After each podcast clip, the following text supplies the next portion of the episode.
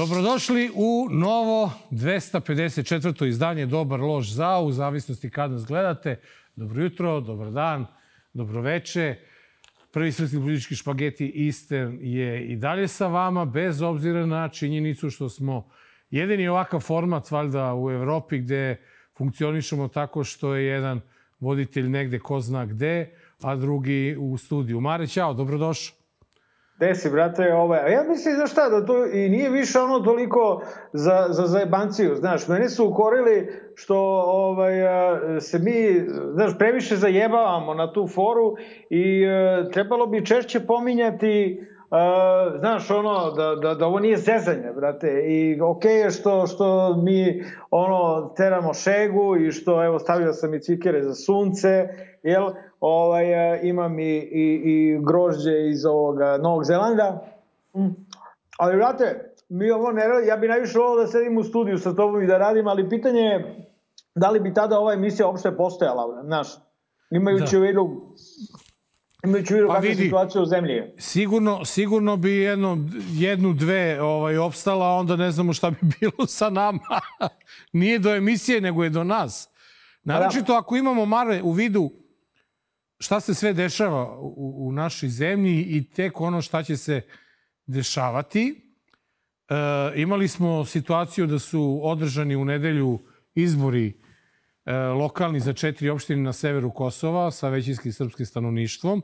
Čestitamo, su, čestitamo pobednicima. Da, da, koji su ovaj, um, stvarno masovno bojkotovali. To je stvarno verovatno, ovo su izbori koji mogu da uđu u red Guinnessovog rekorda, verovatno, jer je izašlo samo 1540 ljudi na njih, od toga 13 e, Srba, a pritom naš predsednik ne bi bio ono što jeste, da u tih 13 Srba Mare nije pronašao dvoje koji su greškom izašli na izbore.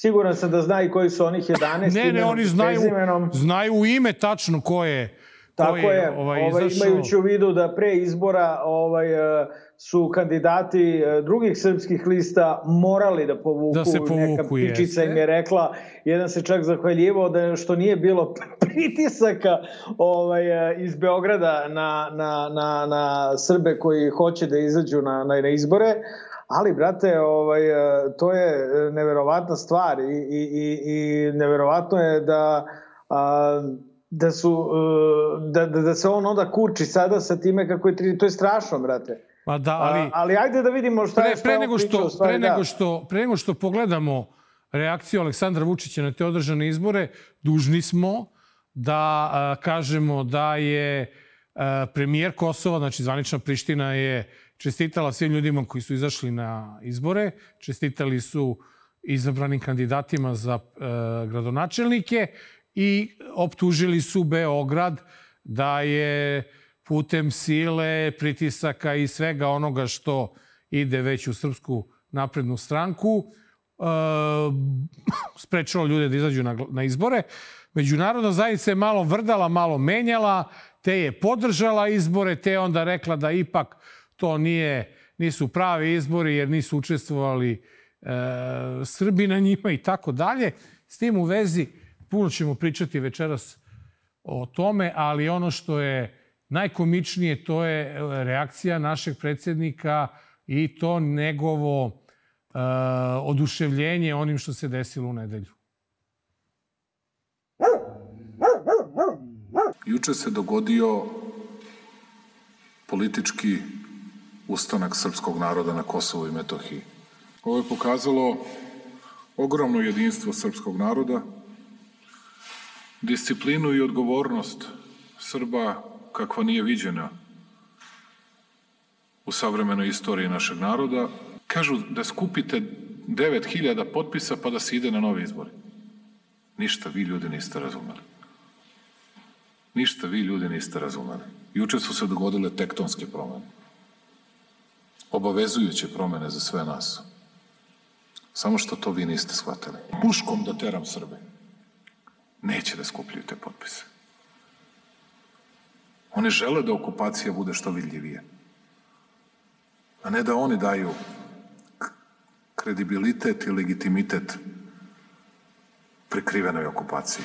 Nama nije potreban nikakav sukob sa NATO-om, da za to nismo sposobni. Jednom okupaciji mora da dođe kraj. Samo smo mi ti koji biramo trenutak. Više nisu oni ti koji taj trenutak biraju. Tome, ako postoji jedna prednost u ovoj teškoj situaciji, to je ta prednost koju danas imamo. Mi smo ti koji možemo da biramo trenutak kada će biti kraj okupacije. Neka kuće prestane da laje. Hvala. Ovaj, e, dakle, on je dobro ovo uh, odradio. Dakle, odigrao je dupli pas sa uh, Kurtijem. Uh, Albanci su dobili sada neku vrstu prinudne uprave, stečanih upravnika, eto, ne, nije ni prinudna uprava, bili izbori, izašlo 3%, verovatno ne postoji kvalifikovana većina čim su izbori okarakterisali kao legalni, a da obezbedi sigurnu pobedu samoopredeljenja i demokratske partije Kosova, potrudio se Aleksandar Vučić koji je izmaltretirao Srbe na Kosovu da bojkotuju te izbore. Prema tome, kada se e, sve sabere i oduzme, danas na Kosovu na severu Kosova, koje je bilo najveći problem e, i Kosovu i međunarodnoj zajednici, takozvanoj kvinti koju ovaj napušavo, a u stvari im odradio posao žešće, sada imamo što bi ovaj rekao okupaciju, rekao bi da okupaciju imamo 99. i na ostatku Kosova. Tako da je sad konačno okupacija 100 procenata celo, dobro, bilo je to i još od briselskog sporazume okupacija bila, kako bi rekao, zaokružena. Ali sada je zaokružena u potpunosti. U tom smislu su Srbi nemaju više osim onog uh, ministra koji je bio naš gost i, i, i Rade Trajković, nemaju nikakvog predstavnika uh, uh, u kosovskim organima, iako bi oni voleli da im Vučić kaže kako srpska vojska dolazi na Kosovo i kako će da reši tamo probleme. On je lepo rekao da to neće se desi jer ne možemo ratujemo s NATO-om zato, ne zato što nismo protiv rata, naravno, nego zato što nismo sposobni, inače bismo sutra ratovali sa NATO-om. Prema tome nema rata, uh, nema uh, ničega, ima bojkota, prema tome na Kosovu nema više nikakvih srpskih institucija na severu Kosova. Ovi Albanci sada šta će da rade, oni mogu da ovaj, vide da to ne ide, Uh, a bojim se da možda, znaš, će tamo ljudi početi kao i oni sa juga Kosova, znaš, Srbi, da razmišljaju o tome, jebote, dok ja sačekam da okupacija prođe, što kaže ovaj brate, Firer, ni pravunuci mi, će mi biti ovaj, ko zna gde u nekoj Nemačkoj i tako. Bolje ja možda da ipak počnem, znaš, kad jedno izvesno vreme prođe ove nove lokalne vlasti, ovaj, uh, onda će da se prosto ljudi legnu na rudu. Pa će onda ovi Srbi koji sad nisu smeli da izađu sa svojim listama na izbore, na sledeće izbore moći da izađu. Tako da je možda čak i nalog bio, kako bi rekao neki ispmi, ne znamo, brate, što oni rade Znači, ne znam uopšte kako se vodi ta diplomatija. Vidi, Kulečine, ovaj, Borovnica i sve Nepala. I ovaj, mi imamo pojma, brate, šta se tu radi. Tako da ja, da sam međunarodna zajednica, ja bih rekao Vučiću, matori, neću uopšte srpsku listu na ovim izborima. To je tvoja banda koji jebe. Ovaj, e, I pa ćemo da vidimo šta će bude. Taman dovoljno sada i Albance da drže i policiju i policijske ove stanice i sad imaju i civilne organe u lokalnoj samupravi na severu Kosova gde živi 90% Srba. Dakle, super. A s druge strane, on se kurči i time postaje novi Milošević kada je reč o unutrašnjoj politici. I tu ga niko ne prekoverava, koliko vidim. Znači, on se kurči, jebe nama majku ovde, mislim, vama tamo, pardon, ali ja sam ipak kako bi rekao, je adresa mi je i dalje ovaj, e, u Srbiji, a, formalna, tako da, znaš, ono, sve se super nekako zaokružuje njegovu korist. E, meni nekoliko stvari ovde nije jasno. Šta se dešava kada dođe novi gradonačelnik Severne Mitrovice i skine srpsku zastavu sa zgrade opštine i zakači kosovsku? Na primjer. Šta se dešava? Ne, ne, samo, samo retorički postavljam pitanje. Stajeće druga, po druga dva stvar. ispred svake, stajeće... Čekaj, čekaj, čekaj, čekaj, čekaj, čekaj. Izvini, izvini, druga stvar. Uzet ću, uzet ću jednu malinu iz ovaj... Da, da, jo. samo obrati pažnju na te, na te vorovnice, umi da budu i sibirske. Elem. Ovaj, druga stvar, potpredsjednik Srpske liste Milan Radojičić je rekao da Srbi neće da dozvole da se na čelu njihovih opština nađu Albanci, tako da i to zanimljivo šta će biti. Treća stvar koja je meni ovde e, fascinantna, pored tih brojki, za mene ti izbori su stvarno smeh i poraz i, i Beograda i Prištine i, i, i pogrešne politike međunarodne zajednice, ali tu mi ne možemo mnogo toga da uradimo, jeste to da je naš predsednik, ja stvarno ne znam da li je on stvarno toliko poludeo ili, ili se pravi, ali da ti kažeš da Srbi hoće i da pristaju na tu okupaciju i da od njih zavisi do kada će to, ta okupacija da traje. Pa valjda ako si okup, okupiran, ako si u okupaciji, pa valjda ti je cilj da ta okupacija e, ne traje toliko dugo, nego da što kraće traje, ili si u drugoj e, ili si u drugom smislu reči onda strani domaći izdajnik, strani plaćenik, ili tako? I pristaješ pa... da ta okupacija traje, traje, traje, a kažeš zavisi od tebe. Pa ako zavisi od tebe, onda je ukini. I ne, ne znam, Mare, nije, kako ti je... Ne, ne, ne, znaš kako zavisi, izvini, znaš kako zavisi od, od, od njega? Zavisi tako što će Srbi da se isele i da sačekaju uh, kraj okupacije. Biće ih sve manje i manje i manje i onda kad ih ne bude bilo, kraj okupacije, brate. Pa, et, pa to, ali, znaš, uh, složit ćeš se sa mnom da je mnogo ludo reći da ta okupacija tra, traće onoliko koliko mi budemo hteli. Mislim da je to bahatost, razumeš, jednog mamurnog pa, e. uh, tipa koji je sada, kome je ušla voda u uši i vidjet ćemo u posljednjem prilogu u ovom delu da, do koje mere to? je ta voda e, u ušima, tako da ali, da to je ono. Kako ti je, Mare, promakla po meni najvažnija stvar u ovom njegovom izlaganju? Koja, Bato? A, a tiče se e, i, i našeg sledećeg priloga, a to je rečenica da Srbija nije sposobna za sukob sa NATO-om. Pa rekao sam, pomenuo sam tu rečenicu, Nenade. On je rekao da neće da ratuje sa NATO-om jer nisu sposobni za, za rat sa NATO-om. Što će da se vidi u našem sledećem prilogu. Pa da, ali vidi prvi put, posle onakvog prikaza vojne vežbe i, i svega onoga, naš, aviona, kamiona, bagera i rovokopača, prvi put je on rekao da Srbija nije sposobna za sukob sa NATO-om. A ne može s NATO-om, jebote, sposobni smo za sukob sa vanzemaljcima, sa, čekaj da vidimo ko ne, može da nas napadne, ne, ne, a da nije ne, u NATO. Sa nikakvim. Bosnom. Ne, Bosnom. Mare, grešiš. Sposoban je za sukob sa sobstvenim narodom.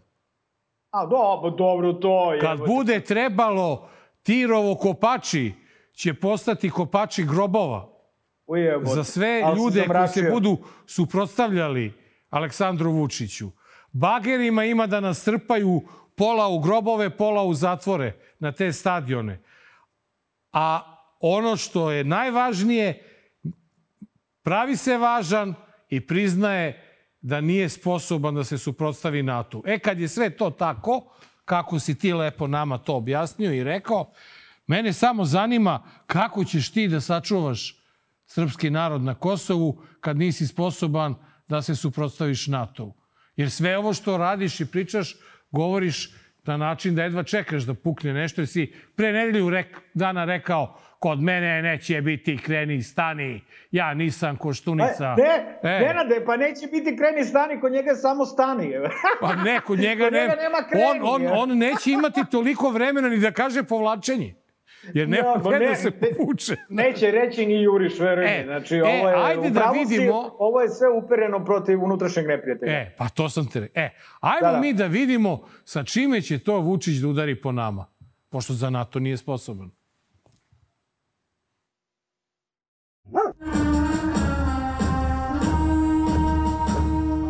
U preciznom marširanju pod punom opremom nije ih omela ni temperatura iznad 20 stepeni. Osim pešadije, vojnu sposobnost pokazala je i vazduhoplovna brigada. Migovi, modernizovani tenkovi helikopteri deo su novog naoružanja. Brzi kao muve iz helikoptera su iskakali padobranci. Na zemlju su se pojedini spuštali niz konopac. Šta sve mogu pokazali su sokolovi, ali i kobre.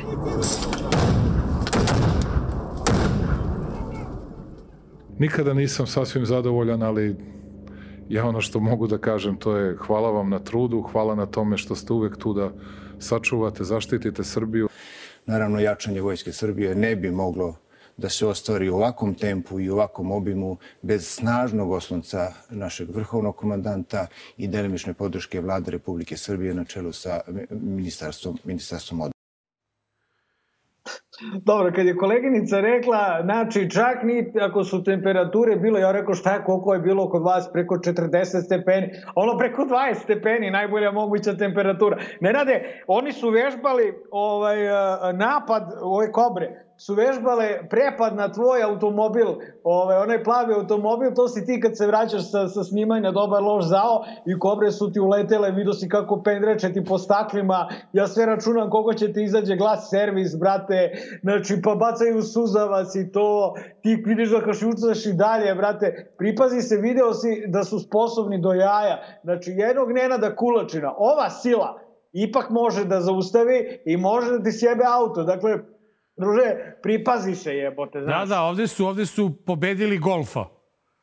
Ovde su pobedili golf, ali je meni nećemo, mnogo... Nećemo reći šta ti voziš, ti voziš da, jedan luksuzan da. automobil, e, da, da ne otkrivamo neprijatelju. Ali Marko, meni je, da? me, meni je, meni je fenomenalno ovaj, ko smišlja uh, taj celokupan marketing i taj uh, izgled uh, našeg predsednika. Ovaj, najsmešnije meni ime ove manifestacije. Granit Džaka. granit Džaka. Pa su brzi helikopteri. Stvarno brzi ko granit Džaka, pazi. Ja ne znam da, da li u Srbiji postoji omraženi futbaler od granita Džake i od onog e, Šaćerija. Pa dobro, nisu valjda, ti, ti stvarno misliš da su oni vežbu nazvali po granito džaki? Pa ne, nego ne razmišljaju kreteni uopšte, znaš, ono, daš ime vežbe, po imenu najomraženijeg futbalera u Srbiji. Ne, ali pazi, i ako su razmišljali, razumeš, ovaj, ne, ti si u pravu, brate, oni jesu dali e, naziv po granitu džaki. Zato što ima i čvršćih ovaj, elemenata od granita, znači ovih materijala, znači, znaš, ima sigurno, sigurno i dijamant je. Zašto, nije, zašto se nije ze, ze, ova vežba zvala uh, Vučićev čvrsti dijamant ili ne, ne, nego granit džaka, brate. Ili bakar. Ove... Bakar izvozimo, brate, tu smo e, prvi izvoznici. je. Pa dobro, bakar nije baš sad toliko čvrsto. Ali... A nije, bakar se topi, pa onda, znaš, Litijum, li, smo... litijum! Litijum! Sa, vežba se zove Pokazna vežba, litijum 2020. To će, da bude, to će da bude terenska vežba. E, ali slušaj, znaš šta, ovaj, pričao sam to u prošloj epizodi pa i pisao sam o tome baš o ovoj, ovoj manifestaciji Granit Džaka, Ovaj, I e, opet ću se vratiti samo na kratko na to, dakle da utvrdimo. Ove jedinice su odlično opremljene za obračun sa nenaoružanim stanovništvom, dakle uh, i, i sa novinarima, političkim neistomišljenicima, dakle mogu da nam jebu sve po spisku. Ala vera, odlično ste spremni, znači kada budete iskakali iz helikoptera ko muve sa užima, užadima, nema šanse da bilo ko od nas, brate, pisne. Ovaj, ali ono što je druga stvar, Nenade, ovo je bila jedna modna pista. Ti se setiš šta je ovaj ludak pričao, on je pričao i time je i najavio ovu modnu reviju, odnosno je reviju smrti. On kao maneken smrti je, dakle, lupetao o toj vojnoj industriji, namenskoj i tako to, i na specifičan način, sebi svojstven, skroman način,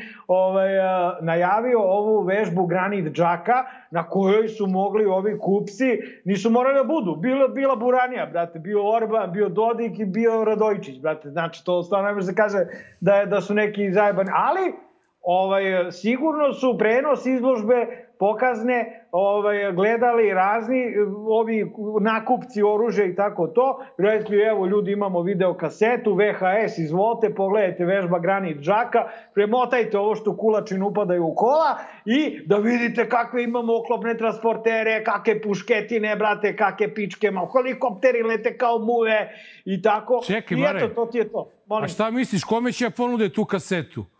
Bayernu, Cityu, Napoliju. Saudijskoj Arabiji, Jemenu, uh, Jermeniji, Gruziji, uh, Ukrajini ili Rusiji. Ili Sudanu. Ili Sjedinim Arabiničkih država. Video sam da najveći procenat, uh, dragi ovaj, uh, kreteni, koji se ložite na, ovaj, na, na, na našeg predsednika, kako on ono veliki patriota i tako to, samo da znate najveći ovaj procenat našeg izvoza ide Amerima, brate. Znači, zna, zna se kome, zna se ko je glavni, brate ovaj, u regionu i samo ovaj, da zamolimo glavne, znaš, da ono ipak malo svog konja koje je malo poludeo drže na uzdi, eto. Znači, samo toliko od nas. E, Ništa i drugo. do tada, do tada treba vatru održavati prisutnom i za to se pobrinuo švedski ministar inostranih poslova koji je posetio Beograd. Takođe smo i diskutovali uh, o ratu, odnosno ruskoj agresiji na Ukrajinu i situaciji kada reč o vladavini prava i medijima u Srbiji. Sada uh, će biti važno da se Srbija u potpunosti uskladi sa Evropskom unijom po pitanju Rusije i da sprovede svoju reformsku agendu. Srbija pripada u Evropskoj uniji. Evropska unija je najveći donator Srbije, trgovinski partner i investitor nema drugih alternativa i ja verujem da će učesnici na političkoj sceni Srbije ostati snažno na strateškom putu ka Evropskoj uniji. Ja, on je njemu odgovorio Nenade i na licu mesta. Znaš, vrlo onako, onako, znaš, kako, ovaj... Um, Pouzdan izvor. ne, ne, on, je, on mu je odgovorio na, na licu mesta. Znači, on je... A, on nisam je, te razumio, izvini udario mu je neku kontru, razumeš? Ne, ne onako kako je udario, pošto on voli se svađa sa nije nije ne naviko, naviko da liže dupe, razumeš, ono, sagovornicima, ali ovde je ostao uzdržan, moram priznati, ali je zakazao iste večeri onaj mentalski nastup na TV prva, Znači, on je toliko kretenskih nastupa imao ove nedelje da smo morali taj da izbacimo. To je bio nastup u kome je celu kvintu, a ja ću da podsjetim ko je u kvinti. On ja se mislim da imamo taj deo u Magrećem kutku. E, dobro, super, pa da. Ovaj, a samo ću podsjetiti ko je u kvinti, pošto neću stići u Magrećem kutku, da. ta će Vuk da priča. Ovaj, dakle, u kvinti su SAD, Velika Britanija, Nemačka, Francuska, Italija i to ti je to. Znači, najjače države uh, na svetu, uh, uh, on ih je iste večeri, uh, zbog gospodina iz Švedske koji je došao, jel, ovaj, da mu izudara packe i istog dana zapalio u Crnu Goru kad je video, brate, s kim ima posle bio u fazonu ljudi, ja jesam šveđanin, ja jesam tolerantan, ja sam naviko na sve i svašta, ja imam visok prag tolerancije, ali molim vas, vodite me u Podgoricu, odmah. I čovjek otišao, je pa nije mogo, je pa nije mogo, pa ko, e, ko sa ovim može da, ovaj, da komunicira, to nije normalno jebote. Znaš, e, i onda je on, on ga ispratio, doviđenja, ajde, beži, i odmah rekao, a vidjet ćeš šta ću večeras da ti radim na tebe. Prva, i onda se natrkečio tamo i Kako ću da ti nanu naninu, a? Vidjet ćeš ti šveđanin, kome ćeš ti da... I sad znaš šta, Ono što je jako zanimljivo, ovaj, ja i dalje stojim na toj liniji da, u stvari sve mi je jasnije šta se dešava, jebote. E, dešava se to da je on, dakle, odradio to Kosovo samo tako što je otišao u Brisel i otišao u Ohrid. Nema veze što oni sad pričaju, ne važi ni, ni slovo više, Ivica Dačić sere, pa i on sere ne važi Ohrid, ne važi, nije bitno. Bitno što se ti pojavio i što, su, i što je Kvinta rekla ovaj pristo. I sad su sve države tog razvijenog sveta, evo videli smo to na primjeru Saveta Evrope, počeli da primenjuju nešto na što ovaj možda i nije do kraja pristo. On je možda otišao tamo, mislio da će bude pametan, rekao, slušajte ljudi, meni ovo okej, okay, ali neću pristanem na Kosovu međunarodnim institucijama. Rekli, važi, važi, idi kući i, ovaj, i oni počeli da spromenjuju da, da, da, da, da primenjuje to što je on rekao da neće. I, ovaj, o, ali to je njemu ostavilo prazan prostor se življava ovde na nama. Tako da opet kažem, on, znaš, možemo mi da... Čekaj jebote, stani, ja sam gledao ovaj, ono glasanje za, za predlog ulaska Kosova u, u ovaj, u Savet Evrope. Evrope. Ja moram proverim, jebo, ja nisam vidio gde je tu Srbija. De, naš, kakav je naš glas bio? Ne, mi naš tu glas svi glasali protiv, mi, mi glasali za. mi smo glasali protiv i napustili smo zasedanje ono posle glasanja. A, e, dobro, dobro je. Da, A dobro Ukrajina da je i Bosna su bile uzdržane, da. Crna Gora, Hrvatska, Slovenija, Svi da, su bili naravno. za. Čak mislim da je Grčka, Slovačka su bile za. Tako jasno, da, jasno. da se to polako kopni i dolazimo u situaciju kada će posle Kosova unutrašnje neprijatelje na najebe. Da, ali morat će da se nešto radi po pitanju sa sankcija Rusiji. Ne mora da znači, Nenada, jebote. Ne. Tu se, mislim da je, mislim da je ključno, jer njega više zabole za evrointegracije, čoveče. Lik je ušao u kineske pare. A, on polako ide ka ovaj, popuno izolaciji zemlje. Ono što je bitno za njih, to je da on ne izaziva ratove okolo. Tu prodaje oružje, nema veze. Tu su i oni dobri. Ali, brate, da, ali sad je priznao da ne može, da nije sposoban i gotovo. To ne ga, neće, neće vodi rad, brate, razumeš? I to je njima bitno. A šta će se dešava unutra? To je nama bitno, vajda. Neće, znači, tuđa ruka svrab ne češe. Šta više, iz iskustva i ko je učio istoriju, on zna da je uvek zgodno imati jednu budalu, razumeš, jednog diktatorčića, tako čisto razumeš da imaš ono, ovaj, da spinuješ s vremena na vreme ka nekoj tamo Srbiji u kojoj neki ludak maltretira, na primjer, novinare ili ne znam nija šta. Ali, znaš, neće sada tog ludaka da skine kvinta njega moraju da skinu građani Srbije, ako im je uopšte stalo do toga da ga skinu, a ja se bojim da nije. A, e, i šta se sada dešava? Dešava se da u sred ove njegove euforije oko toga da je 11 do 13 Srba glasala na ovim izborima, da je Kvinta jel, eto, izgubila, da je izgubio Kurti, da je izgubio Murti, da je on jedini pobedio, da su Srbi bili jedinstveni nekada, nego ikada u našoj, našoj novijoj srpskoj istoriji. Polako dolazimo do e, prvih priznanja koje verovatno neće biti i poslednji. U noći rušenja bilo je i onih koji su mirno spavali. Njihovi snovi nisu srušeni. Naprotiv. Moj san je bio Beograd na vodi. Žao mi je što su vaši snovi bili uđarice, protivpravno postavljene tu, na silu postavljene tu, koje su služile samo za bogaćenje pojedinim tajkunima. Sa ponosom vam saopštavam, ja sam bio čovek koji je doneo odluku da se gradi Beograd na vodi, da se ruše protiv pravne uđarice. A kompletni idioti su oni koji me nisu poslušali, pa je trebalo da sve to sruše u sred bela dana i da mene pozovu da upravljam tim bagerima i buldožerima ili buldozerima, kako god hoćete, da to srušim u po bela dana. Tako da nadležni organi pokušavaju da ustanovi ili su ustanovili ko su kompletni idioti.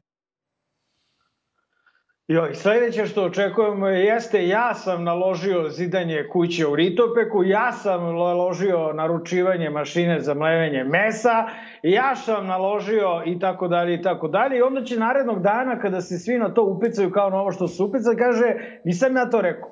Jer lik je ladno rekao da nije ovo rekao što je rekao. Ali e, donekle je i u pravu, zato što pažljivo ga slušajući, on je više puta pokvareno ponovio da je on bio za rušenje protivpravnih protivpravno dignutih uđerica. Znači, nijedan objekat koji je bio rušen u, Sa, u Hercegovačkoj te noći, to su bili legalni objekti, nisu bili nelegalni. Dakle, a, on je i ovde a, slagao i navuko javnost e, na to da ovaj e, znaš, on je napravio, pošto je izuzetno maštovit, poput svakog ludaka, jel? Ovaj, on je napravio u sebi u glavi paralelnu realnost. Paralelna realnost u kojoj postoje neke bespravne ne, ilegalne uđerice u kojima zmije, žive zmije, žabe i narkomani i, brate, paralelnu realnost u kojoj postoje neki buldozeri koji njemu je žao što u toj paralelnoj realnosti u kojoj su ti buldozeri to rušili noću, on nije dao naređenje da se ruši danju. Dakle, rušila je njegova banda noću uh, legalne objekte u Hercegovačkoj uh, uh, Brate, i, i uh, šta ti misliš, Nenade, o celo ovoj zajebanci i ovom spinu? Ne, meni je ovo zanimljivo, pošto je ovo drugo priznanje na ovu temu. Prvo priznanje je bilo Veljka Belivuka, je li tako? Pred da, sudom. Da, da. Da, to je da. bilo prvo, evo sad smo ih doveli, Vučić je nesvesno sebe doveo, jel sada u korelaciju neku sa, sa Veljkom Belivukom. E, mene samo zanima jedna stvar. Da li je ovo e, spin kojim on pokriva ovo ludilo sa Kosovom, da sada on, pošto drugog e, maja ide za par dana, on ide u, u Brisel na novu rundu pregovora, da ovo sad on pokušava možda malo da skrene javnost, da se javnost bavi drugim stvarima dok on može da isporuči u smislu onih e, delivery unit e, Tonija Blera šta treba, tako da mi je ovo veoma zanimljivo, ali vidi Mare, nismo mi budale i glupacija se kopčamo na leđima, od uvek smo znali ko je to naredio i čije je ta rabota. Da. Znaš, to, to, to ne, niko nije imao dilemu. Ti si napomenuo e, da će možda uslediti priznanje za ovaj e, ritopek i za mlevenje mesa. Slušao, ovi, ovi ovaj, iz klana su govorili da je Vulin bio za to zadovoljan. Pa da, ja ne znam više kome da verujem. Ali vidi, ovaj, imali smo tu i, nemoj da zaboraviš i bivšu ženu Siniše Malog, koja je progovorila pa učutala. Onda, ono što ja očekujem, da je ovo početak nekog, e, e, nekog pokajanja našeg predsjednika, gde ćemo dobiti odgovore na pitanje ko je ubio Olivera Ivanovića, ko je uklonio snimak sa naplatne rampe. Ko je ubio rampe, Cvijana. Ko je ubio Cvijana i tako neke isto zanimljive, ovaj, neka zanimljiva priznanja za koja mi dalje smo ubeđeni da znamo ko je samo taj ko to jeste, to nije još i priznao. Jer da si ti, mi da. da smo Mare pre osam meseci u našoj emisiji rekli Aleksandar Vučić je odlučio da se ruše uđerice u, u Sava Mali ili u Sava Maloj, ovaj, šta bi bilo? Onda bi obno bilo opet, evo ga, Vidojković i Kulačin optužili Vučića za teško krivično delo i tako dalje. Ono mene, Mare, što zanima, u tom ludilu, koje ne prestaje, koji se širi poput virusa ovom zemljom, naš predsjednik je iz, rekao da su te uđerice koje je on odlučio da sruši, služile za bogaćenje tajkuna. E sad mene živo zanima, evo ja imam stvarno jednu uđericu tamo negde pored Šapca, ovaj, na nekom placu. Ti nemoj da pričaš. Ja još nisam našao način da, da zarađujem, nego mi ta uđerica samo uzima pare. Te sredi ovo, te sredi ovo, te napravi ono, te popravi ono. Rekao, brate Vučiću, pomagaj, Pokaži mi kako da zaradim i ja ću porez da platim. Sve kako treba. I ja nisam još nikada u životu za ove moje 53 godine nikada nisam čuo da neko od uđerica zarađuje. A naročito Ove... ne neko ko je već bogat, koga okarakterišeš da je tajkun. Ti, ti i dalje vidiš jedno zrno dobrote u tom ludaku i psihopati. ovaj, znaš, ako misliš da... Ja sam ti objasnio, znaš, on je vrlo pažljivo Uh, rekao da je on bio za, seti se, on je, ako ćemo da brojimo, ovo je treće priznanje, jer je on još 2016. rekao da su ovo uradili kompletni idioti. Dakle, on je tada priznao da zna ko je ovo uradio. Da. Sada je rekao da je to njeg, da je njegova ideja bila Beograd na vodi i da su uradili kompletni idioti koji su rušili. Znači, kažem ti, e, stvari u tome, ajde da vidimo, ako je ovo spin, zbog ulaska uh, Kosova u Savet Evrope, da se sad mi svi navučemo i zbog Vučić priznao. Šta prizna? Znamo, brate, da je on to naredio, jevate. Znači, ni, uopšte ne treba da se pecamo, treba stalno da se vraćamo ono što se dešava, dakle, na terenu i ono što će se dešavati u Briselu u pravosi, ali, brate, ako je ovo njegov spin, ako nije našao ništa drugo, onda je on žešće očajan. Znači, ako je on odlučio, ili ako su njegovi stručnjaci, ovaj, savjetnici odlučili, matori, sad, pošto ćeš ideš tamo 2. maja, ti zavrću jaja ovaj, u Brisel. Sada, brate, jedan spin brzo, molim te, Ovaj, ali čekaj da smislimo kakav. Mm -hmm, priznaj da si e, ti... godišnica da... Sava Male, taman. To, ti si naredio. On je bio u fazonu, šta, čekaj, šta da kažem? Oni kažu, treće si ti naredio. On je bio u fazonu, kako ja da kažem sam ja naredio? Oni kažu, veruj nam, veruj nam, matori, Jel nas plaćaš, brate, budo para? Mi valjda znamo šta i on izašao i pošto ipak ima gram mozga, nije rekao do kraja, nego rekao, bolje ja napravim jednu ovaj, ogradu, razumeš da kažem da sam bio za rušenje ilegalnih ovaj, straćara i uđerica, a, a, a sad ove legalne njih neću ni da pominjem. Da. I mi se svi upecali seremo o tome već 10 minuta. A, a nešto slično je opet uradio, pa je rekao da on nikada nije rekao da je priznao da je prihvatio sporazum. U, pa eto vidiš. Nego je rekao ja, da, ja, da je prihvatio koncept Sporazum. Ja mislim da on nije prihvatio sporazum. Oni su mu samo rekli, samo ti dođi, matori. Da, da, Sebi da, da. šta hoćeš. Ne treba, hoćeš. imamo mi sve, ne brini. Imamo mi tvoj da. faksimil, Blanko, da. onaj, nemoj da brineš ništa. E, a i u ovu priču se idealno uklapa naslovna strana jučerašnjeg danasa, gde se vidi ovaj čuvena Koraksova karikatura, vidiš Mare, Vučić kao striptizeta koji, ja ne znam da li postoji bolji opis uh, ove priče oko Sava Male, od ove Koraksove karikature.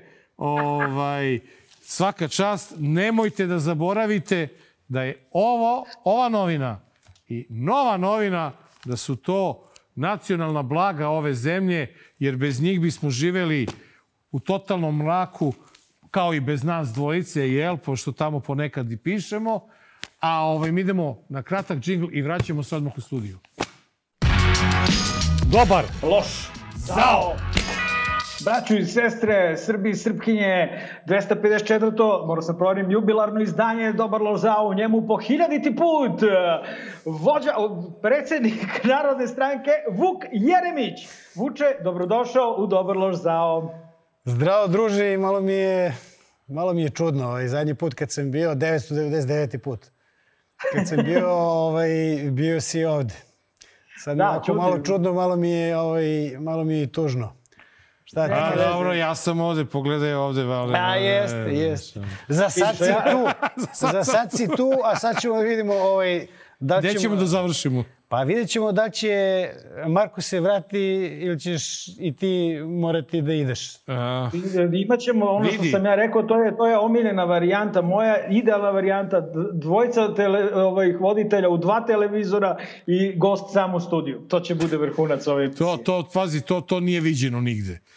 To CNN ne bi mogao to da smisli. Pa nemoj, nemoj, nemoj dva puta da govoriš. Da Ove, ovaj, ne, ima tu, vidi, da ima tu i nekih drugih kombinacija koji su mnogo nepovoljnije, tako da bolje ćutimo. Jeste, jeste, jeste. Ova, I da, da budemo zahvalni što imamo priliku barem i ovako da, da, da radimo. Da. Mare, izvoli. A, da, da, da započnemo. Vidio si majicu, vidio si majicu.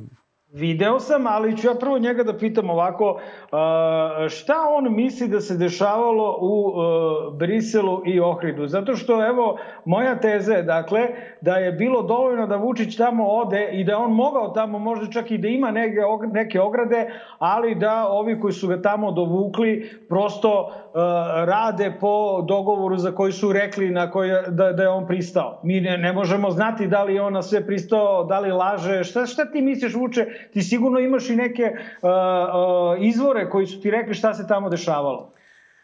Pa evo, kao prvo, uh, zna se na što je pristao. Nema više nikakve tajne oko toga na što je pristao, jer to na što je pristao je objavljeno na sajtu Evropske komisije. To je francusko-nemački da plan neke... za Kosovo i Metohiju. E, samo zarez. I objavljen je 27. februara e, 23. Samo zarez. Da li je moguće da je situacija ovakva? Čisto da, da demistifikujemo priču. Da je Vučić rekao prihvatam koncept sporazuma. Ne, nije moguće. Nije moguće. Ma nije moguće. Znači, on je apsolutno prihvatio sporazum Absolutno. takav kakav je. Znači, idi na on Google. je u ponedeljak rekao da nije prihvatio sporazum, pa nego samo koncept. Pa laže. Zato što idi googloj 27. februar, kada je objavljeno na sajtu Evropske komisije zvanično na šta su se saglasili pregovarači Beograda i Prištine, to su bili Vučić i Kurti. Borelj je rekao imamo usaglašeni plan i objavit ćemo ga uskoro na sajtu. Pet minuta kasnije objavljeno je na sajtu. To veče Vučić nije rekao ja sam tu nešto prihvatio, nisam prihvatio. Nego je gledao u pod i rekao je kako mu je bilo teško i tako dalje i tako dalje. Dakle, nema laži, nema prevere, nema nikakve mogućnosti da, da on bilo to nije prihvatio. Šta, ma ni nula su mogućnosti. A posle toga, to je znači prihvatio 27. februara u Briselu. Posle toga je prihvatio 18. marta u Ohridu aneks na ovaj sporazum. Aneks na francusko-nemački plan, koji podrazumeva uh, tempo kad, šta treba koja strana da uradi, odnosno kad šta treba da se desi, do kog datuma. I uh, taj plan je takođe objavljen na sajtu Evropske komisije. Dakle, ljudi, ako ne znate šta je nemačko-francuski plan idite na sajt Evropske komisije. Ako ne znate šta je Ohridski sporazum, odnosno Ohridski aneks, idite na sajt Evropske komisije. To je ono što je dogovoreno. I dokaz da je to dogovoreno je e, da su prve dve tačke tog e, aneksa iz Ohrida koji predviđa dinamiku ispunjavanja francusko-nemačkog plana se već dogodile. Dakle, dogodila se prva tačka, a to je da je Srbija prihvatila tekst deklaracije o navodno prinudno nestalim licima tokom ratnih dejstava 1999. godine. Šta to znači? Kakva je posledica toga? prihvatili smo nešto što po međunarodnim konvencijama koje smo kao država ratifikovali otvara put porodicama kosovskih albanaca koji tvrde da su njihovi bližnji nestali u Srbiji tokom ratnih dejstava, da traže astronomske odštete od države Srbije, od srpskih sudova. A za slučaj da im srpski sudovi to ne dosude, onda su dobili pravo da odu na Međunarodni sud. Sad, ne ulazeći u to i koliko je bilo tragično nastradalih, Dobro, nestalih, bilo i srpskih šutva i, i srpskih nestalih isto. I onima kojima su bili vađeni organi, trgovani organi i tako dalje i tako dalje. To je jedna velika i teška nesreća. Ali ono što a, mi danas kao prvu posledicu, već primenjenu posledicu nemačko-francuskog plana imamo, je da su se otvorili e, put za tužbe koje mogu da milijarde evra a, budu dosuđene, koje će Srbija morati da plati a, tim porodicama nestalih, što do danas, od 99. do danas, se nije pominjao. I plus još smo primljeni u, primaju ih u Savet Evrope. Evo Marko Maše sa sigurne e, Vuče, ovaj, pa ne, ne, zato što, pazi, e, evo sad ja razmišljam, slušate šta pi, pričaš, ali a, moramo da budemo i svesni da nismo, da ova država, znaš, ono, nisu mi cvećke bili u tom kosovskom sukobu. Drugo, imali smo Slobodana Miloševića koji je ušao u rad sa NATO paktom i izgubio taj rad 1999. Mene zanima, i imali smo ozbiljno ovaj, etničko čišćenje Albanaca u vreme rata, dakle hiljade i hiljade mrtvih po cisternama što su se po Srbiji skrivale. To nije naša odgovornost, ni tvoja, ni moja, ni Nenada Kulačina. To je odgovornost vlasti između ostalih kada se sve to tako pogleda, da li je uh, uh, ovaj sporazum, da li je sporazum sa Kosovo nužno loš ili je problem kako je do njega došlo? Šta je ta dva, ovaj, da, da li je, uh, što, u čemu ti vidiš izlaz iz, iz te situacije koja je po meni prilično završena 99.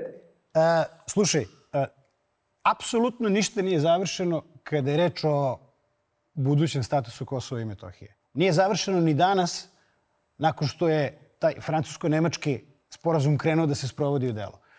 Od 2008. godine, kad je Kosovo proglasilo nezavisnost, pa sve do 2023. godine, neki od najmoćnijih zemalja sveta na čelu sa Sjedinjenim američkim državama, a ima tu i drugih, to su te zemlje Kvinte, ranije ste ih pominjali ovde u vašem razgovoru, e, su pokušali da urade apsolutno sve što je u njihovoj diplomatskoj moći, koja nije mala, da završe i okončaju proces e, podržavljivanja takozvanog Kosova, da Kosovo postane država, kao što je država Srbija, kao što je država Francuska, kao što je država Japan i tako dalje. To im nije pošlo za rukom uprkos svemu što su pokušali. Uprkos čak i onome što je Vučić u poslednjih deset godina od prvog briselskog sporazuma 2013. do danas uradio. I e, ispostavilo se da Kosovo ne može da postane država dok Srbija ne da svoju saglasnost.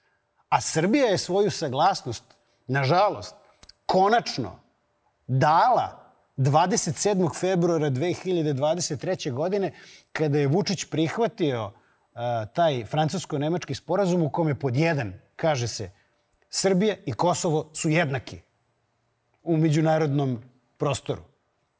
Pošto je Srbija nesporno država, Ako mi pristajemo da smo jednaki sa Kosovom, to znači da je i Kosovo država. Drugim rečima, pristali smo na to da je Kosovo država. Po prvi put. To niko nije uradio od 99. do danas. I drugo, najdrastičnije, to je tačka 4 francusko-nemačkog sporazuma kojom se kaže Srbija se neće protiviti članstvu Kosova u bilo kojoj međunarodnoj organizaciji. Evo, protivimo se, glasali protiv u Savetu Evrope. Ali to nije istina, to je bacanje magle u oči. A sad ću ti objasniti, Marko, i zbog čega je to tako. Uh, u Savetu Evrope sistem za ulazak u Savet Evrope je dva koraka postoje. Prvi korak je odlučuje 46 zemalja članica na nivou vlada, odnosno ambasadora, 46 ambasadora, predstavnika tih zemalja. Srbije je jedan od tih predstavnika, sedi u Strasburu i ima redovne a, nedeljne sastanke. Od 2011. godine do danas Kosovo ima dvotrećinsku većinu u tom telu, Savet Evrope.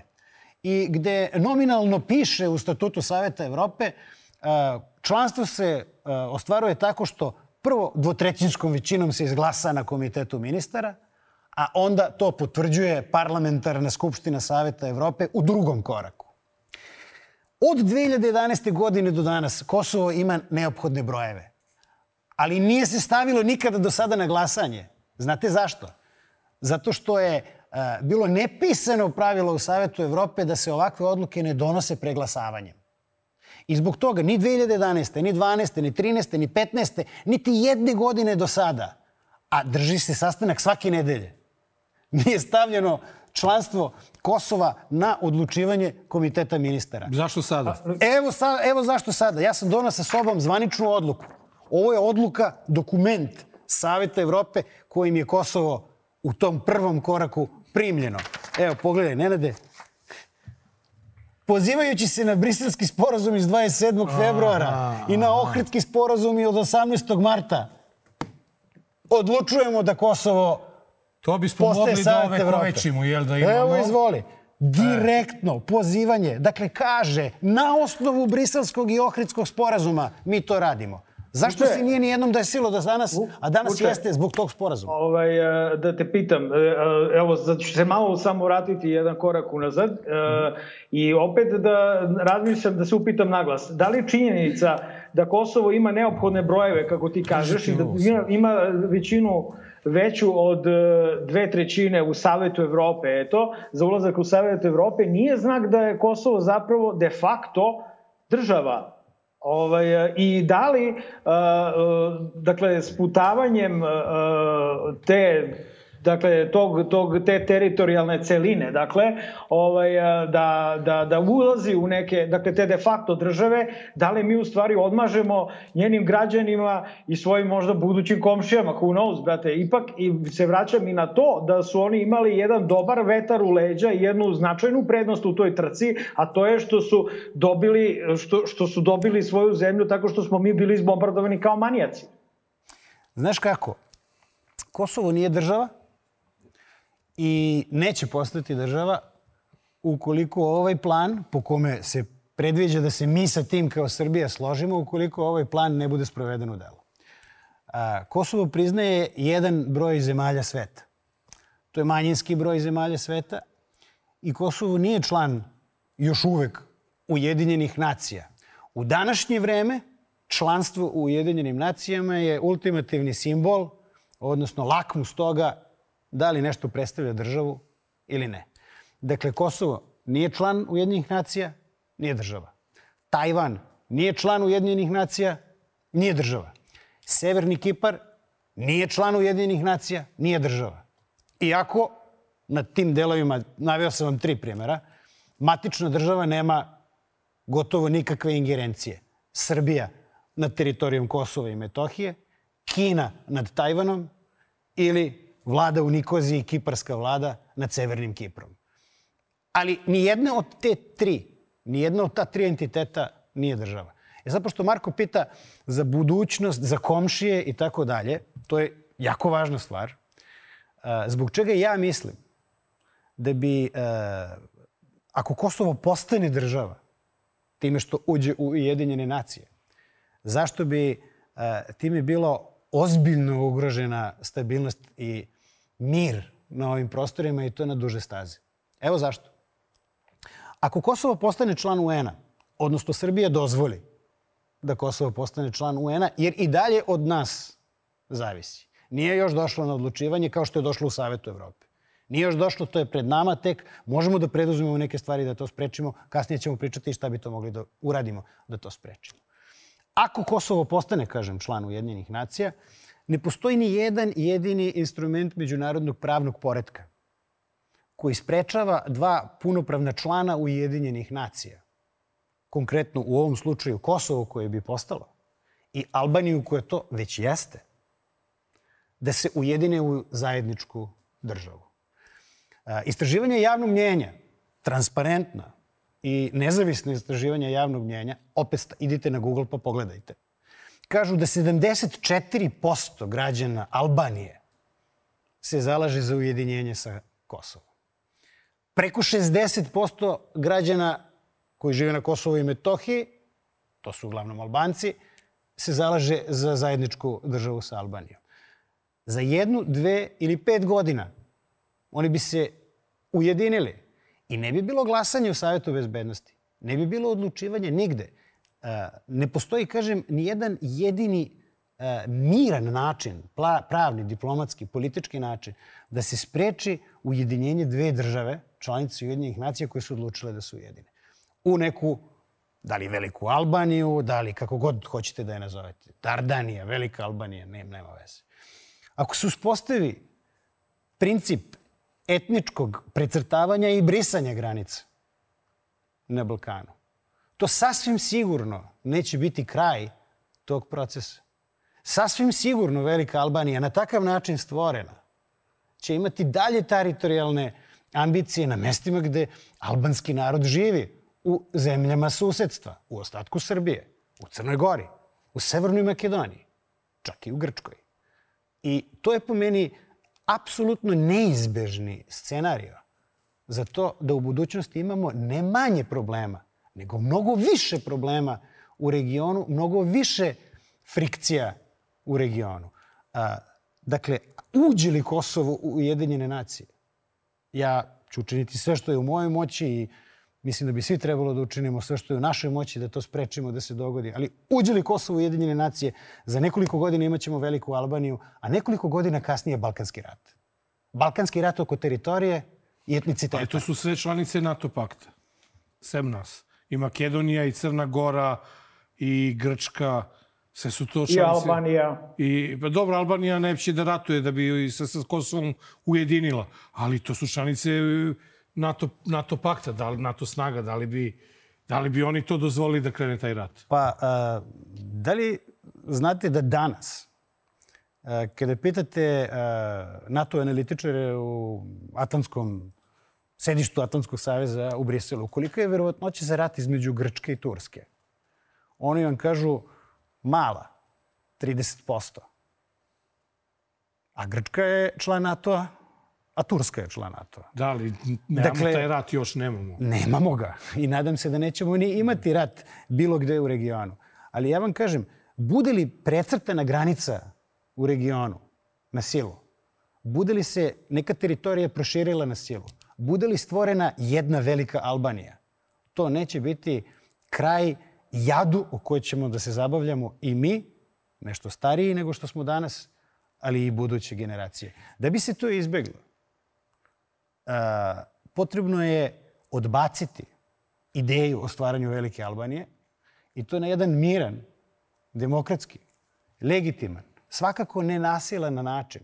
Nenasilan ovde u Srbiji, nenasilan, ne do Bog, negde šire u regionu. Postoje pravna i politička sredstva, garantovana Ustavom kao i međunarodnim pravom, kojim je apsolutno moguće izbeći E, sprovođenju dela ovog dogovora, i sad se vraćam na pitanje koje je Marko postavio, a nisam odgovorio, kako je uopšte došlo do toga da neko prihvati ovakav sporazum? Nema drugog objašnjenja, osim da je bio ucenjen. Jer ovo niko normalan ne bi mogo da prihvati. Ovo je čak i Vučić rekao, ja ovo ne smem da potpišem.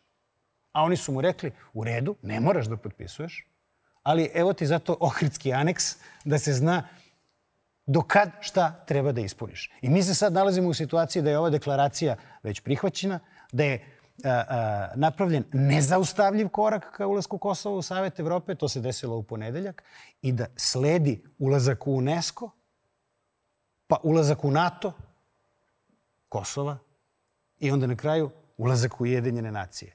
Mi to Evo, moramo mare, da sprečimo iz Mare, Mare Maše.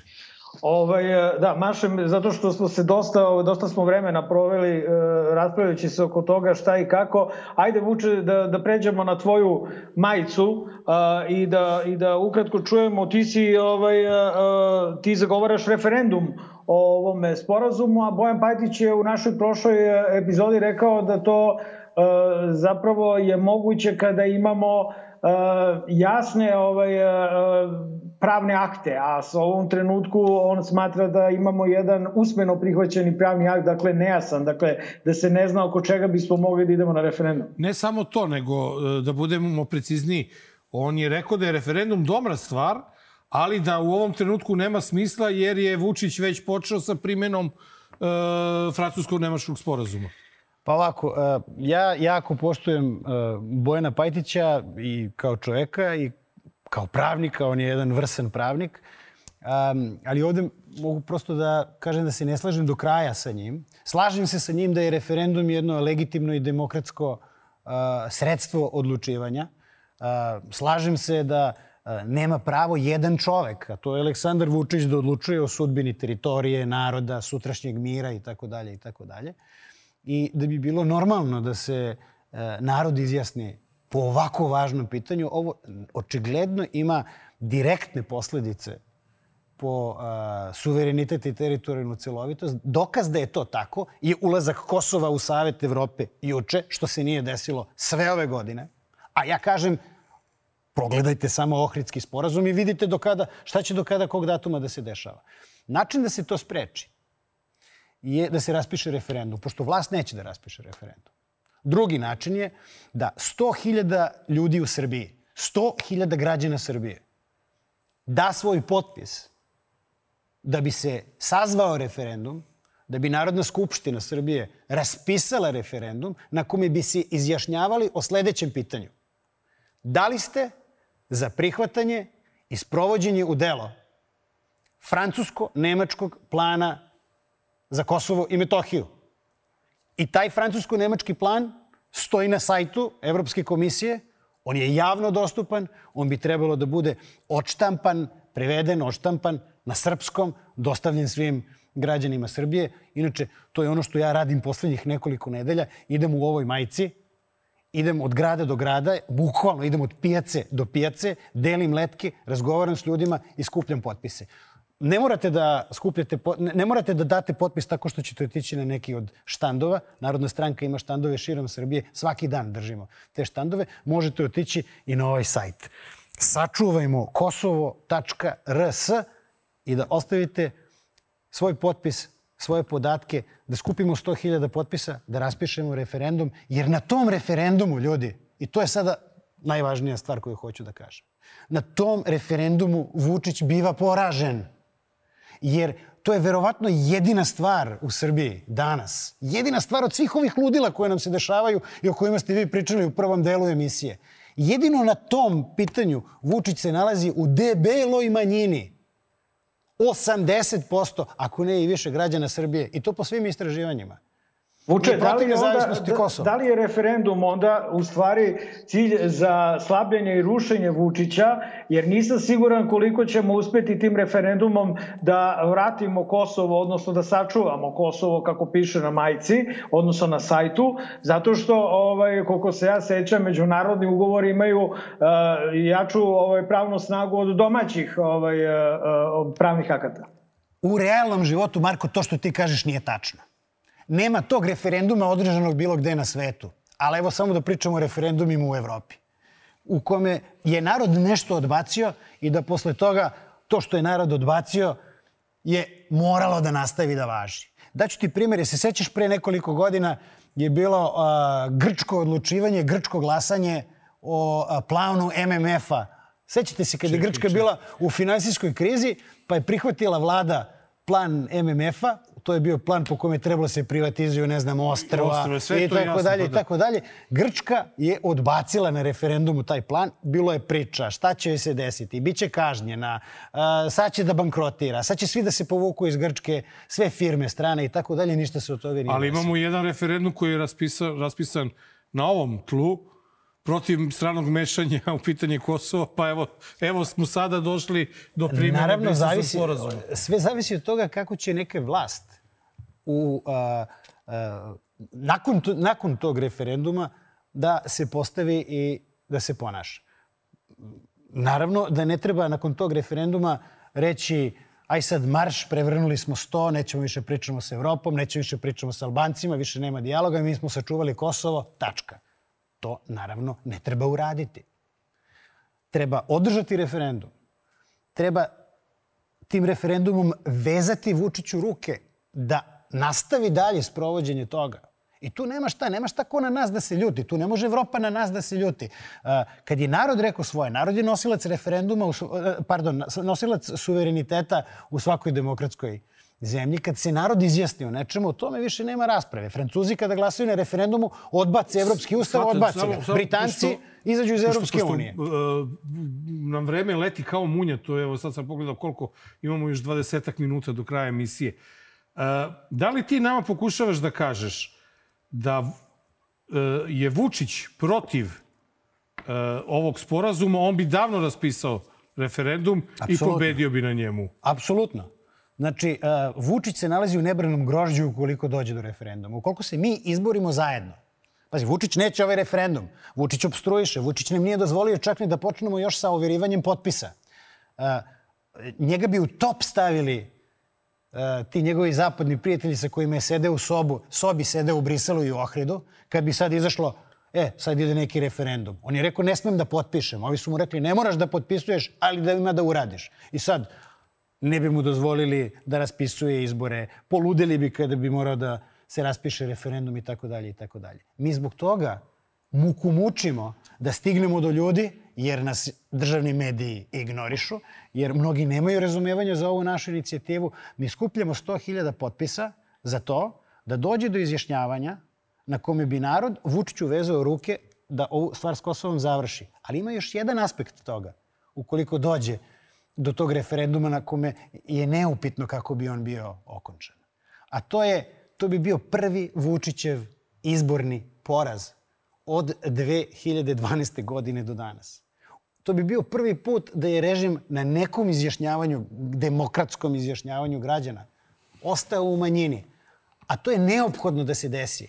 Ne bi li mogli da zamislimo u budućnosti na nekim sledećim izborima da režim bude pobeđen morate mu zadati negde prvi udarac da bi posle toga došlo do drugog i do trećeg. I ja uvek volim da napravim paralelu uh, sa Crnom Gorom. Znam da se ne slažemo svi po pitanju Crne Gore i po njihovoj uh, definiciji njihovih političkih aktera i tako dalje i tako dalje, ali ono što je fakat je da je u Crnoj Gori postojala jedna vlast i jedan režim 30 godina. 30 godina su bili apsolutno nepobedivi. I onda je 2020. godine došlo do greške režima koja je stvorila okolnosti u kojima su izgubili prve izbore. Prve izbore za 30 godina. Pa su izgubili pa lokalne. Onda, pa je onda posle toga pali su lokalni i, i na kraju se završili su se predsjednički izbori. Dakle, kao što je po meni Milo Đukanović napravio fatalnu grešku 2020. godine, kada je udario na Srpsku pravoslavnu crkvu, pa je to dovelo do litija, To je onda dovelo do izbora prvih za 30 godina koje je izgubio. Posle toga mu je pala Podgorica, na kraju je pao i on. Ovo je ekvivalent. Prihvatanje francusko-nemačkog plana je ekvivalent, Vučićev ekvivalent čekaj, te greške. Čekaj, ako već je 80 odsto ljudi protiv tog plana, A ti kažeš da ne možeš da dođeš do većine zato što nema medija i tako dalje. Evo vidimo društvene mreže, bruje, svi su protiv ovo. On. Ne vidim razlog, ne vidim problem da se sakupi tih 100.000 potpisa ako, ako, je, su, ako je toliko srpski narod protiv tog sporazuma. Znači ja sam, na primjer, e, daću ti primjer, e, ja sam stajao na pijaci u Čačku i stajao sam sat i po vremena na pijaci u Čačku i razgovarao sa jedno 70 ljudi. Pošto čovjek malo popričaš, minut, dva i tako dalje. Ovaj, 60 ljudi mi je dalo potpis. Ali mnogo je do 100.000.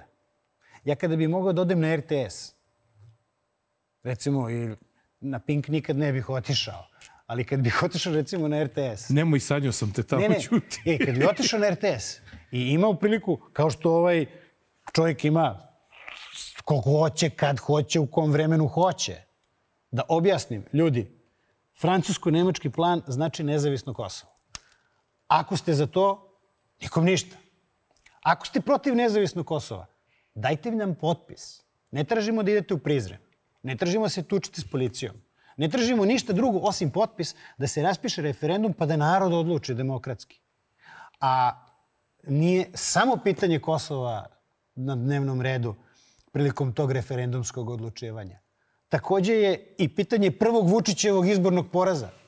Jer, ljudi, samo da se ne lažemo, ovo je jedino pitanje na kome on ne bi mogao da izmanipuliše prevare, pokrade i da pobedi. Jer mnogi pričaju, e, ajmo na izbore, kao hoćemo vanredne izbore i tako dalje. Sve je to u redu. Ali danas pošto razumete politiku, pratite politiku, znate koji su akteri u opoziciji, koji su akteri na vlasti, koji su akteri tu između, ne znam, vlasti i opozicije. E, Vučić danas ima kapacitet da uz, naravno, manipulaciju, uz zloupotrebu resursa i uz nakradno kupovanje poslanika ostvari većinu na bilo kom nivou.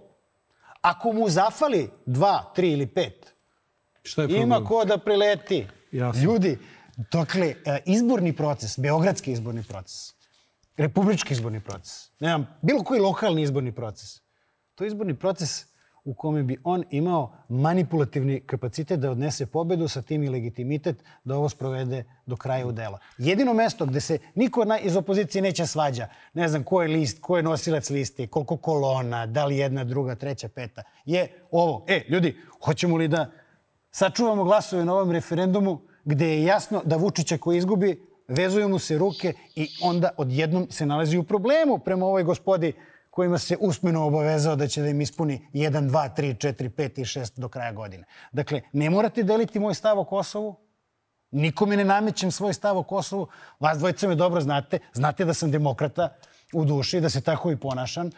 Ne smatram da ja neko koji drugačije misli je ovakav ili onakav po bilo kom drugom pitanju, ali ljudi shvatite, ja vas molim da shvatite, ovo je jedini način da mi danas njega uzdrmamo. Jer ako ga ne uzdrmamo sada, ja sam, bojim da smo mi na autoputu ka katastrofi, a da je ovo jedan poslednji izlaz sa tog autoputa. Jer preživili on ovo? Zaživili ovo? Ostane li on jedini garant onoga što je usmeno prihvatio? On će dobiti takvu vrstu podrške iz Evropske unije. Ovo što sad ima od podrške iz Europske unije je malo dete u odnosu na to šta će imati ako on ovo sprovede u delo. I onda ga nećemo pomeriti 10 godina. I on će biti i kupanje litijuma. Onda će biti i privatizacija EPS-a. Onda ćeš i ti za Markom da odeš, a ne Marko da se vrati. Onda će biti čudo. čudo. E, Mare, ako se slažeš, pošto smo debelo u minusu, da preskočimo pitanje sa Twittera, i da idemo odmah na Magareći kutak gde ćemo moći da možda i pitamo Vuka nešto što smo planirali za prvi deo.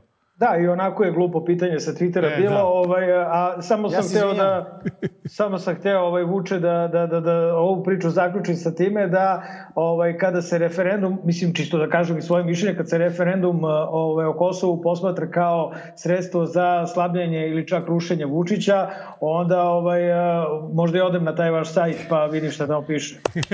Brate, ja sve ćemo da uradimo da ga srušimo. Ako ti to kažeš, znači pazi, ovaj, da u moj Ali ne, mislim, ne, ajde ja ovako ćemo da, da ono možemo da otkrijemo, pošto ja i, Mare, ja i Mare prijatelji, o, ja sam naravno kao i sve svoje prijatelje pitao da potpišu za referendum. Pa si ti meni, pošto je rekao, brate, ja sam tu malo e. drugačije e. mislim od tebe, a ja ti rekao, e, aj, nećemo dalje o tome pričamo, doću ja u emisiju, kazat ću ti šta mislim, a ti posle odluči. E, ajmo Evo, ovako, ajmo odluči. ovako da uradimo, znači svi vi koji ste protiv toga da se ovaj, ovaj, e, Pa svi vi koji ste protiv Vučića. Da, svi vi koji ste protiv ovog sporazuma i mislite da možete da nešto konkretno uradite protiv Vučića, lepo idite na sajt Sačuvajmo Kosovo. 30 sekundi vam treba. I potpišite to. Ovaj, mada vi ta, tu majicu si nosio kad si bio šef sveta, predsednik sveta, bolje bi već bi imao uticaj nego sada u našem podcastu. Ali ajde, nema veze. Idemo na Magareći kutak, odmah smo sa vama u studiju.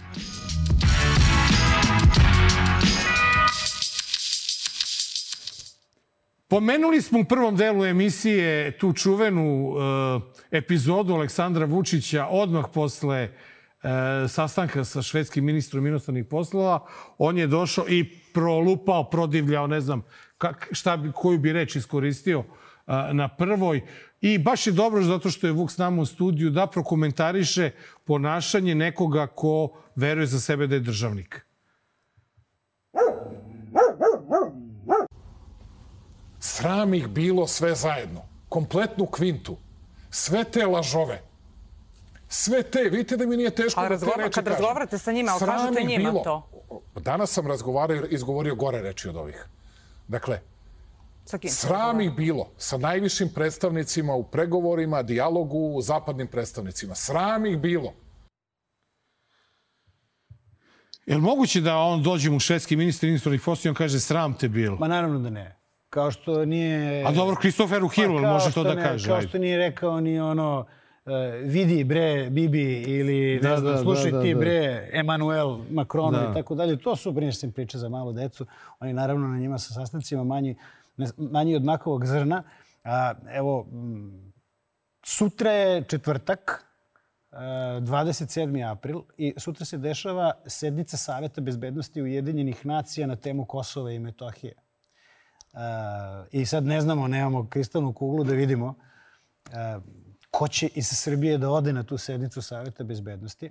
Ali jedini koji bi imao smisla da ode na sednicu Saveta bezbednosti je Aleksandar Vučić, jer je tema Kosovo, jer kaže, evo sada u ovom klipu, da su ga prevarili, ne znam, ti neki zapadnjaci iz Kvinte, da on više nema nameru da se drži ovoga ili onoga. Uh, Na sednici Saveta bezbednosti on sutra ima možda i poslednju priliku da ode i da u ime Srbije kaže mi se Ovo protivimo članstvu Kosova u Ujedinjenim nacijama. I to ako ne bude uradio, i to ne neko drugi, ne znam, pošalje Dačića. Ili, Dačić nije sede u ovoj sobi u Ohridu i, i, i u Briselu, ne zna se, on ne zna šta je tamo sve izrečeno. Dakle, ako Vučić, koji je uspenu prihvatio ovaj sporazum, ne ode u Njujork u četvrtak i ne kaže na sednici Saveta bezbednosti, ne novinarki nekoj pinka ispred zgrade UN-a koje bi mu uzela izjavu nego na sednici Saveta bezbednosti. Ne mora da im govori sram je bilo. Samo treba da kaže za Srbiju je članstvo Kosova u ovoj organizaciji neprihvatljivo. Molimo vas, sve članove Saveta bezbednosti, da to imate u vidu kada budete odlučivali. Drugim rečima da pozove da se glasa protiv kosovskog članstva u UN-u. Pošto za tim stolom u Savetu bezbednosti sede i dve zemlje, čije ne znači blokadu, odnosno pravo veta, tu konkretno mislim Rusiju i Kinu, priča o francusko-nemačkom planu i ovoj tački 4 koja podrazumeva članstvo Kosova u međunarodnim organizacijama je bila zacementirana. Ja bih voleo da vidim njega u četvrtak, da umjesto što govori sram te bilo, marš, bre i tako dalje, ništa toga ne mora da kaže. Samo treba da kaže civilizovanim jezikom u nekoliko jasnih rečenica ovo što sam sada rekao. Ne znam da li će to u četvrtak uraditi. Mare, idemo dalje. E, sada dolazimo malo na e, naš teren, domać unutrašnjo politički i e, imat ćemo jedinstvenu priliku da vidimo kulturni dijalog e, predstavnika Srpske napredne stranke u Narodnoj skupštini Srbije. Cakić, u tebe, ti znam da slušaš, ali ne razumeš, tako da to je u redu. Tako ti džaba i slušaš. Tekovine nisu isto kao i tekućine. To nije ista reč. Vama je neko rekao da treba se za, zastupate tekovine zelene politike, a vi se uhvatili tekućine. I ne ispuštate tekućinu. Ne ispuštate tekućinu. Prestanite se tekućinom. I recite svojim poslanicima da vam ne nose vinjake na odbore. Kao što ni vinjak uništavate, tako ste energetiku uništavali. Kamo sreće da ti imaš nekog da ti otme vinjak. Slušaj me, Čita. Tarzan nek te drži vezano. Jer Čita može da napada bez da. Tarzana. Ovaj što glumi helikopter i ovaj da što dobacu, ovaj kvazimodo, znači samo da prestanu i sisaj prst kod kuće. A možeš posle da daš taj prst da ti posisaju i sinovi. Pa se vrtite u krug sa tim sisanjem ako ti se to toliko sviđa. Da li ste gledali, verovatno da ste gledali onaj film Neretva? Tamo postoji nekoliko jezivih scena u kojima se s vremena na vreme pojavljuje jedna grupa tifusara koje vodi neki Boško tifusar i oni tako upadnu u scenu, bauljaju, onako svi odrpani, viču, nešto pevaju i onda odu na neko drugo mesto, pa na treće mesto. E, to mi imamo u Srbiji sada i evo ti tifusari. Dakle, ne vodi ih Boško, nego Šolak, a oni idu gde im on kaže. Pa su danas u Babušnici, sutra su u Žagubici, preko sutra u Lazarevcu, gde god misle da nešto mogu da naprave štetu, eto njih Ako mogu ovaj prvo da dakle odam priznanje Milenku Jovanovu zato što uh, treba biti uh, kadar pa biti jedno naprednjačko gledalo pošto tamo nema baš preterano puno ovaj poslanika Srpske napredne stranke koji umeju iz glave da govore, dakle oni uglavnom čitaju napisane u napred govore. Ovaj ovo treba stvarno biti talenat pa ovaj ovako nastupati i verno oslikati to šta je Srpska napredna stranka. A Vuče, to je ovo je dobar šlagor da te pitam gde je mesto uh, jer ako ćeš da komentarišeš Jovanova samo napred, ali gde je mesto ovaj narodne stranke u opoziciji u ovom trenutku. Mi smo videli Narodnu stranku i među desničarskim strankama koje su uh, demonstrirale protiv izdaje Kosova, a nekoliko njih bojim se da su pod direktnom kontrolom Aleksandra Vučića, ali videli smo i uh, Narodnu stranku i među ekološkim aktivistima na Savskom nasipu e, i kako se naravno bori protiv organizovanog kriminala. Gde ste vi? Pa kao prvo za Milenka Jovanova čekam ja njega vi ste zaboravili, Milenko Jovanov je čovjek koji je moju suprugu Natašu Jeremić nazvao šefom e, najvećeg narko kartela na Balkanu. Dakle, e, ja to nisam zaboravio i, e, i on zna da ja to nisam zaboravio i doće dan kada ćemo nas dvojica o tome porazgovarati. A što se tiče Narodne stranke, Narodna stranka je najtvrđa opozicija koja postoji u Srbiji. Možda su neki podjednako tvrdi kao mi, ali u svakom slučaju ne postoje tvrđi opozicionari od Narodne stranke. I to sad, koliko god, ne znam, mogu, neko da se slaže ili ne slaže sa našom politikom, našim gledanjem, ne znam, na pitanje Kosova ili neke, neko drugo pitanje, mislim da to niko ne može da dovede u pitanje i da to ospori. I mi smo rekli više puta da a, mi ćemo podržati apsolutno svaku inicijativu koja je usmerena protiv ove vlasti. E, svaku ideju koja je usmerena protiv ove vlasti. I zbog toga smo bili prisutni i na tom jednom, i na drugom, i na trećem skupu, i na svakom skupu gde se bude e, e, borilo protiv ovog zločinačkog kriminalnog režima, mi ćemo biti prisutni.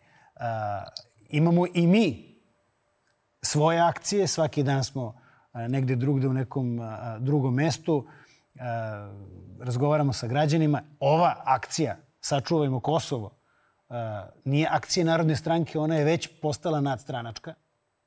Podržao je ekološki ustanak Aleksandra Jovanovića Ćute, podržali su je i neke javne ličnosti, neki aktivisti kao što je Savo Manojlović i tako dalje. Ja bih voleo da i drugi imaju tu vrstu solidarnosti da podrže akcije protiv ovog režima, konkretno ovu našu akciju sačuvajmo Kosovo.rs, onoliko spremno koliko smo mi i na Šodrošu i koliko smo i kada organizuju desničari skup, kada organizuju skup ekološki aktivisti na Savskom nasipu, bilo gde, na svakom mestu, Narodna stranka će biti tamo gde su i građani, tamo gde je narod.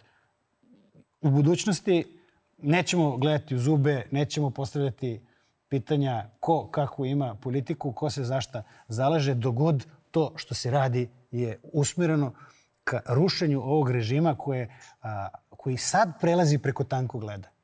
Sad prelazi preko tankog leda jer je Vučić nateran u grešku.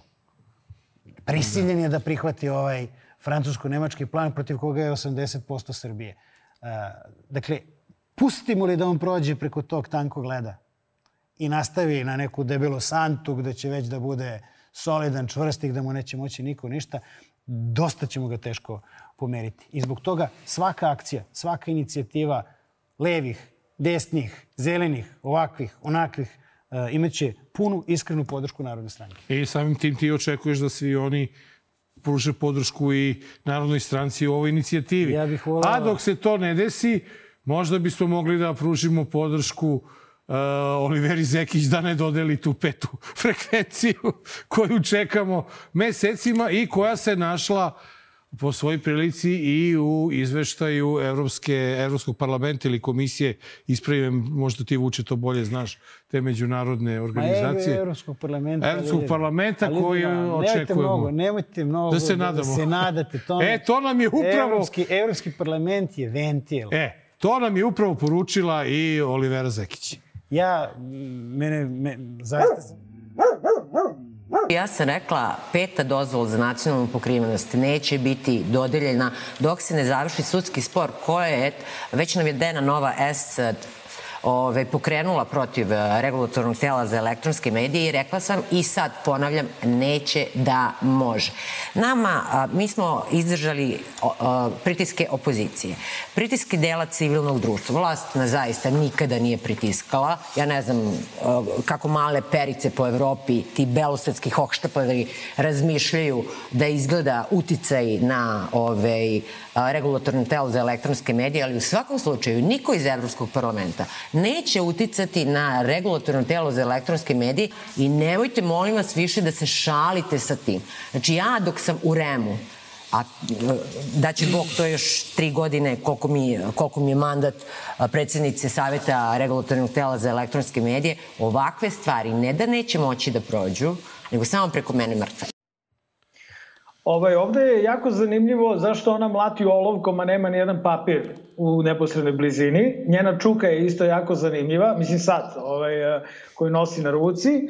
A, a ostalo, Nenade, ja ne znam, ovaj, da možda se svima prevario, ja ne bih rekao da je ona uopšte nervozna. Ja bih rekao da je ovo jedno ispoljavanje vernosti uh, ovaj, Fireru uh, uobič, neuobičajenom jednom ovako zekićkinom nivou.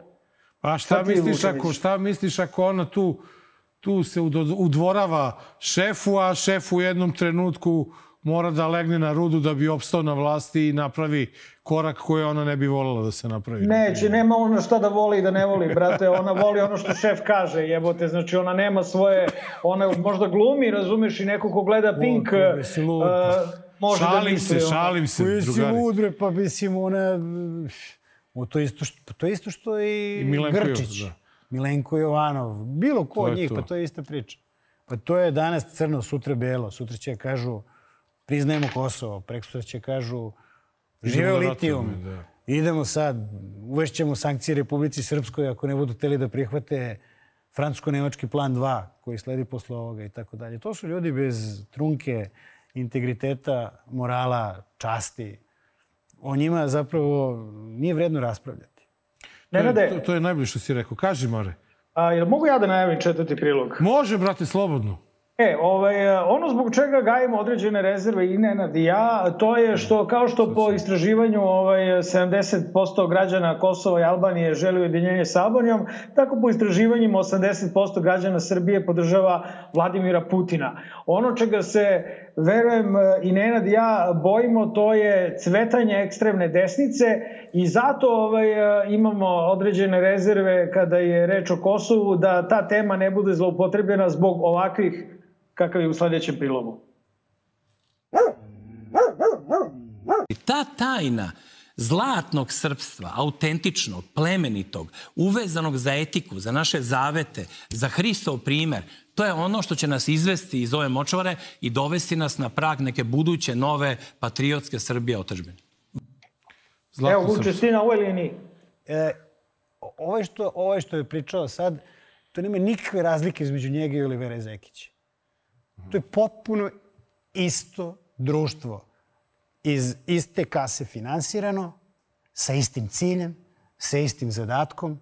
Jedan gađa levo, drugi gađa desno, treći gađa nemam pojma gde, ali to je potpuno isto društvo. Ovo za što se ja zalažem, a, što sam pričao sa vama, a, je moje duboko uverenje koje možda može da se svrsta pod da kažem, nešto politički bliže desnici nego centru i to samo u Srbiji.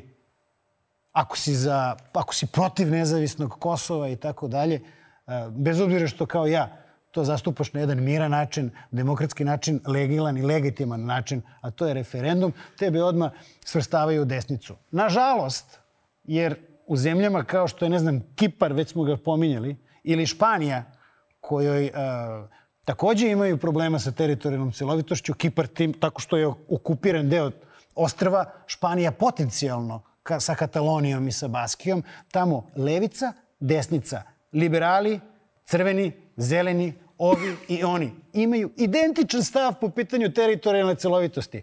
Španski tvrdi levičar i španski tvrdi desničar misle isto kada je reč o Kataloniji. O Kataloniji. Jasne. I na Kipru isto tako. Tako da ova moja... Nama je problem moja... da imamo isti stav u bilo kom e, smislu sa Aleksandrom Vučićem. Jeste. I ovo sačuvajmo Kosovo.rs i referendum.